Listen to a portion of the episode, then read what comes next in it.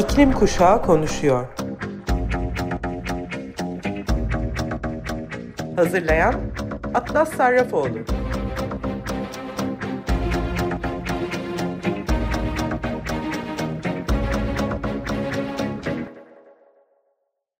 Hepinize merhaba Sayın Açık Radyo dinleyicileri. Her cuma saat 14'te yayınlanan İklim Kuşağı Konuşuyor programına hepiniz hoş geldiniz. Ben Atlas Sarrafoğlu. İnsanlık için varoluşsal bir tehdit oluşturan bir iklim acil durumuyla karşı karşıyayız. Birleşmiş Milletler'in IPCC raporu krizin toplumun tüm alanlarında hızlı, geniş, kapsamlı ve benzeri görülmemiş değişimler gerektirdiğini söylüyor. Gezegenin sınırları dahilinde herkes için iyi yaşam koşulları sağlamak istiyorsak, iyi yaşamanın ne anlama geldiğini yeniden tanımlamalıyız ve büyümeye bağlı olmayan bir ekonomi yaratmalıyız. Başkalarının krizi çözmesini çok uzun zamandır bekliyoruz ancak toplumdaki tüm aktörlerin önümüzdeki geçişte oynayacakları önemli roller var. Bireysel ve kuruluşlar olarak hepimiz sorunun bir parçası olduğumuzu anlamalı ve çözümün bir parçası olmak için şimdi cesurca hareket etmeliyiz. Bilimin kaydettiği ilerlemeye rağmen devrilme noktalarının ne zaman tetikleneceğini ve küresel ısıtmanın ne zaman durdurulamaz bir hale geleceğini kesin olarak bilmiyoruz.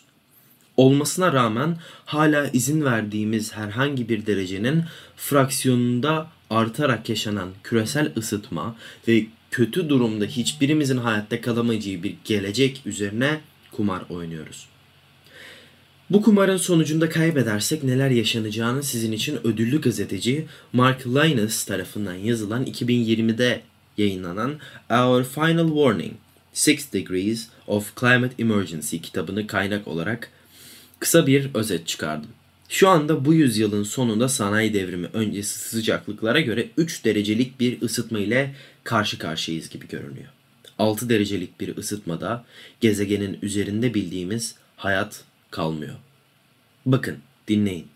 Sıcaklıklara göre küresel ısıtmada yaşayacaklarımızı şöyle özetledim. Dinleyin lütfen. 0 derece yani sıfır noktası olarak kabul ettiğimiz sanayileşme öncesi dünya bu ısıya son buzul çağından itibaren yaklaşık 11 bin yıl içinde ulaştı. Buzulların erimesi deniz seviyesinin 120 metre yükselmesine neden oldu. İstikrarlı ve ılıman iklim insanların gıda yetiştirmesine ve yerleşimlerine izin verdi. Şehirler büyürken tüketim düştü ve yaşam biçimleri çoğunlukla sürdürülebilirdi. İnsanlar çevrelerine etkilemelerine rağmen dünyanın iklimini çok fazla etkilemiyorlardı. Paris Anlaşması'nın imzalandığı yıl olan 2015'te küresel ısıtma sanayi öncesi sıcaklıkların 1 derece üzerine çıktı. Sadece 6 yıl sonra da 1.1 dereceye ulaştı. Kuzey Kutbu ve Antarktika eriyor. Gulf Stream zayıflıyor. Buzullar eriyerek tatlı su kaynaklarını etkiliyor. Kasırgalar, kuraklıklar, sıcak hava bu dalgaları ve büyük orman yangınları daha sık görülüyor. Alçak kıyı şeritleri sular altında kalıyor. Buzsuz deniz daha fazla ısı emiyor ve küresel ısıtmayı hızlandırıyor. Mercanlar beyazlıyor. Yaban hayatı düşüşte. Gıda üretimi etkilenmeye başlıyor. Artı 2 derece için uzun süreli afetler için bir reçete diyebiliriz. İklim bozulması hızlanır. Kuzey kutbunda buzsuz yazlar yaşanır. Batı Antarktika buz sahanlığında geri dönüş olmayan kayıplar yaşar. Deniz seviyesinin yükselmesi nedeniyle 80 milyon kişi yerinden edilir. Ölümcül dang humması yaygın bir şekilde görülür. Yaklaşık yarım milyon kişi yetersiz beslenme sebebiyle hayatını kaybeder. Bitkilerde böcek istilası yaşanır. Yüz milyonlarca insan ölümcül ısıtmaya maruz kalır. Afrika'da su stresi artar, toplu göçler artar. Buzulların kaybı tatlı su arzını etkiler. Aşırı seller görülür. Amazon yağmur ormanlarında yangın kontrol altına alınamaz. Birçok tür yok olma tehdidi altındadır. Resifleri oluşturan mercanların %99'u yok olur. Artı 3 derecede ise buz tabakaları ve buzullar kısmen çöker. Deniz seviyesi 14 metreye kadar yükselir. Gelgitlerde aşırı deniz yükselmeleri, seller, süper fırtınalar ve süper kasırgalar görünür. Yüz milyonlarca insan zorunlu olarak yerinden edilir. Dünya nüfusunun yarısı ölümcül sıcaklık dalgalarına maruz kalır. Gıda üretimi yarı yarıya azalır. Toplu kıtlık yaşanır. Amazon yağmur ormanları ölür. Yaban hayatı bozulur. Bitki örtüsünden ve topraktan karbon salımı küresel ısıtmayı hızlandırır. Eriyen permafrosttan kaynaklanan metan emisyonları da artışa geçer. Artı 4 derecede küresel nüfusun dörtte üçü günler boyu süren ölümcül sıcaklığa maruz kalır. Gezegenin önemli bir bölümü insanlar için biyolojik olarak yaşanmaz hale gelir. İklim mülteci sayısı kontrol edilemez hale gelir. Dünyanın kara yüzeyinin yarısı kurak hale gelir. Aşırı kuraklık ve seller yaşanır. Kategori 6'ya kadar çıkan süper kasırgalar sıklıkla görülür hale gelir. Başlıca dünya gıda mahsullerine eş zamanlı çöküşler yaşar.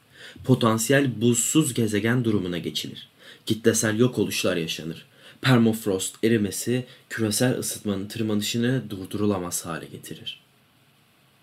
Artı 5 dereceye ulaştığımızda ise buz tabakası kalıcı olarak yok olur. İnsanlar artık dışarıda uzun süre hayatta kalamazlar. Gıda üretimi büyük ölçüde azalır. Karmaşık insan toplulukları çöküşe geçer. Küresel kıtlık yaşanır. Hayatta kalan insanlar hayvanlar gibi topraktan yaşamaya çalışır. Ve son nokta niteliğinde olan 6 dereceye aşırı sera etkisi dünyamızdaki yaşamın çoğunu yok eder. Sadece birkaç hayvan türü hayatta kalabilir. Ekosistemler ve besin ağları herhangi bir işlevsel anlamda var olmaktan çıkar. Artık bu noktada dünya üzerinde hayatta kalmayı başaranlar çürüyen organizmalardan beslenen detritovarlar, bakteriler ve mantarlar olur. Ve son. Daha geçenlerde yayınlanan Biological Reviews dergisindeki bir araştırmaya göre insan kaynaklı 6. bir kitlesel yok oluş olayı devam etmekte. Araştırmacılar 71 binden fazla memeli, kuş, sürüngen, amfibi ve balık türü için Dünya Doğayı ve Doğal Kaynakları Koruma Birliği'nden gelen verileri incelediler. Türlerin %48'inin popülasyonunun azaldığı, türlerin %49'unun sabit kaldığı ve türlerin yalnızca %3'ünün arttığını belirttiler. Tüm hayvan türlerinin yaklaşık dörtte biri yok olma tehdidi altındadır.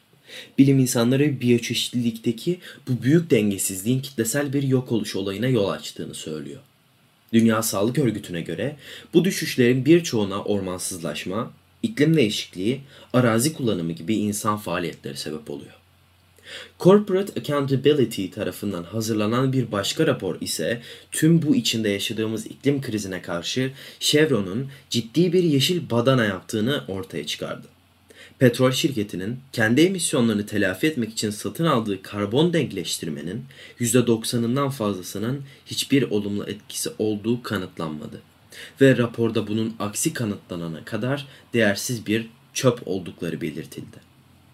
Ek olarak Chevron'un net bir sıfır emisyon planının bir parçası olarak uygulamaya koyduğu düşük karbonlu teknolojilerin çoğu şirketin vaat ettiği karbonun yalnızca %50'sini yakalıyor.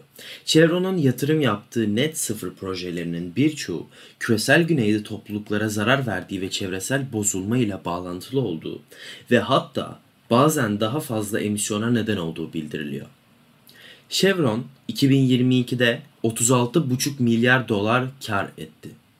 Rapora göre çevre düzenlemelerinin zayıflamasını ve işlerin her zamanki gibi devam edebilmesini sağlamak için yalnızca ABD'de siyasi lobi faaliyetlerine milyonlarca dolar harcadı.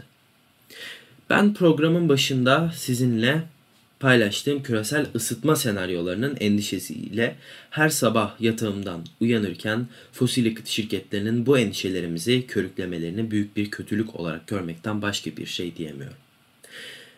Şimdi kısa bir ara veriyoruz ve sizi Low Reed ile baş başa bırakıyorum. Walk on the Wild Side. Küçük bir şarkı arasından sonra iklim kriziyle ilgili haberlerimize devam ediyoruz.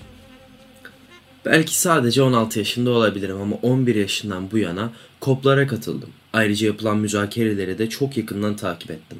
Ve şu anda imzaların, konuşmacıların, el sıkışmaların kendi adıma hiçbir çözüme götürdüğüne inanmadığımı söyleyebilirim.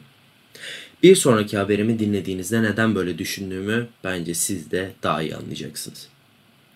COP28 Başkanı Sultan El Jaber, ekibin Abu Dhabi Ulusal Petrol Şirketi'nin CEO'su rolünü vurgulayan Wikipedia sayfasına imajını yeşil badana ile düzenlediği ortaya çıktı. El Jaber, ekibinin kendisinin ve iklim zirvesinin Wikipedia girişlerindeki çalışmaların arasında Birleşik Arap Emirlikleri Sanayi ve İleri Teknoloji Bakanı Al Jaber'ın tam olarak iklim hareketinin ihtiyaç duyduğu türden bir müttefik olduğunu söyleyen bir yazıdan alıntı eklenmesi yer alıyor. Ayrıca iklim raporlama merkezini ve Guardian'ın ortaya çıkardığı üzere editörlerin 2019'da imzaladığı milyarlarca dolarlık bir petrol boru hattı anlaşmasına yapılan atıfın kaldırılmasını önerdiler. Yeşiller Partisi milletvekili Caroline Lucas, petrol şirketleri ve CEO'ları küresel iklim konferanslarının kontrolünü ele geçirerek ve ardından kendi çalışmalarının Wikipedia'daki bariz ikiyüzlülüklerine yönelik eleştirileri ortadan kaldırmalarını sağlayarak Yeşil Badana'yı yepyeni bir düzeye taşıyor dedi.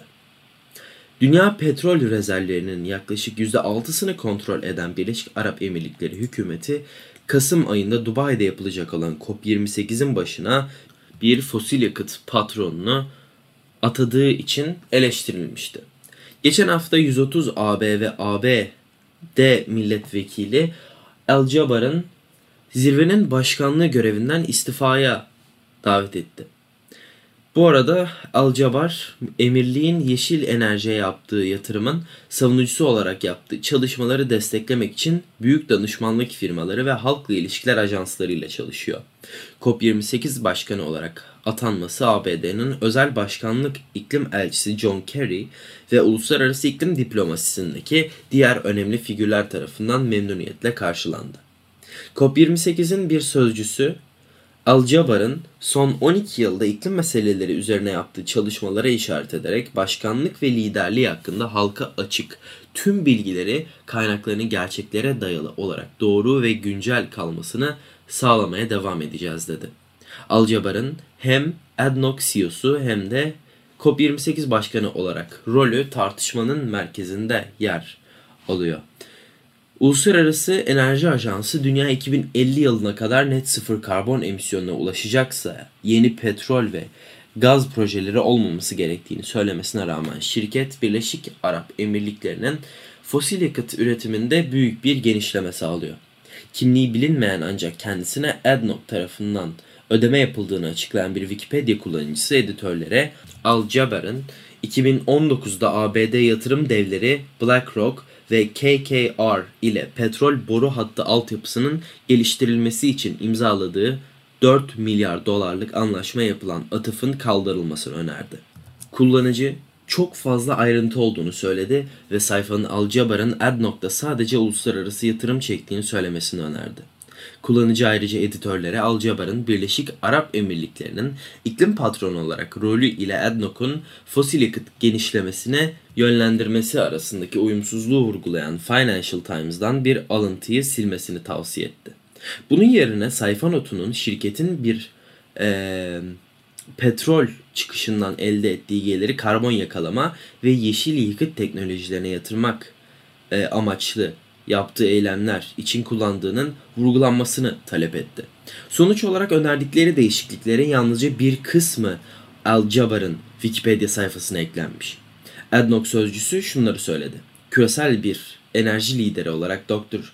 Sultan'ın başarılarından gurur duyuyoruz ve doğruluğu sağlamak için içeriği düzenli olarak gözden geçiriyoruz. 2022 ilkbahar ve yazında Wikipedia'nın tamamen şeffaf ve Wikipedia kurallarına uygun güncellenme talepleri gönderildi dedi. Gördüğünüz üzere dünyanın iklim krizi her geçen gün büyürken karar vericiler, büyük şirketler ve gücü elinde bulunduranlar bu krizin durdurulması konusunda aslında çok da umursamaz davranıyorlar. Dünyayı bu krizden çıkarmak için biz gençler başta olmak üzere sorumluluk bizde olmasa bile hayatımızdan, zamanımızdan, enerjimizden bile fedakarlık ederken paradan başka öncelikleri olmayanların vurdum duymaz davranışlarını adaletsiz görüyorum. Bu krize sebep olan fosil yakıt şirketlerinin iklim krizine çözüm için yapılan toplantılarda işi nedir? Bir fosil yakıt başkanı nasıl olur da iklim krizi için yapılan toplantılara başkanlık yapabilir? Bir soru ile programımı kapatmak istiyorum. Diyelim ki bir sıtma kongresi düzenleyeceksiniz. Siz olsanız sivrisinekleri davet eder miydiniz? Siz cevabı düşünürken Leonard Cohen'den Everybody Knows şarkısını çalmak istiyorum. Ben Atlas Sarrafoğlu. İklim Kuşağı Konuşuyor programını dinlediniz. Haftaya Cuma günü dinleyici destek günleri sebebiyle burada olamayacağım ama ondan sonraki hafta saat 2'de tekrardan görüşmek üzere. Tekrardan görüşene dek kendinize, sevdiklerinize ve gezegenimize lütfen güzel bakın. Görüşmek üzere.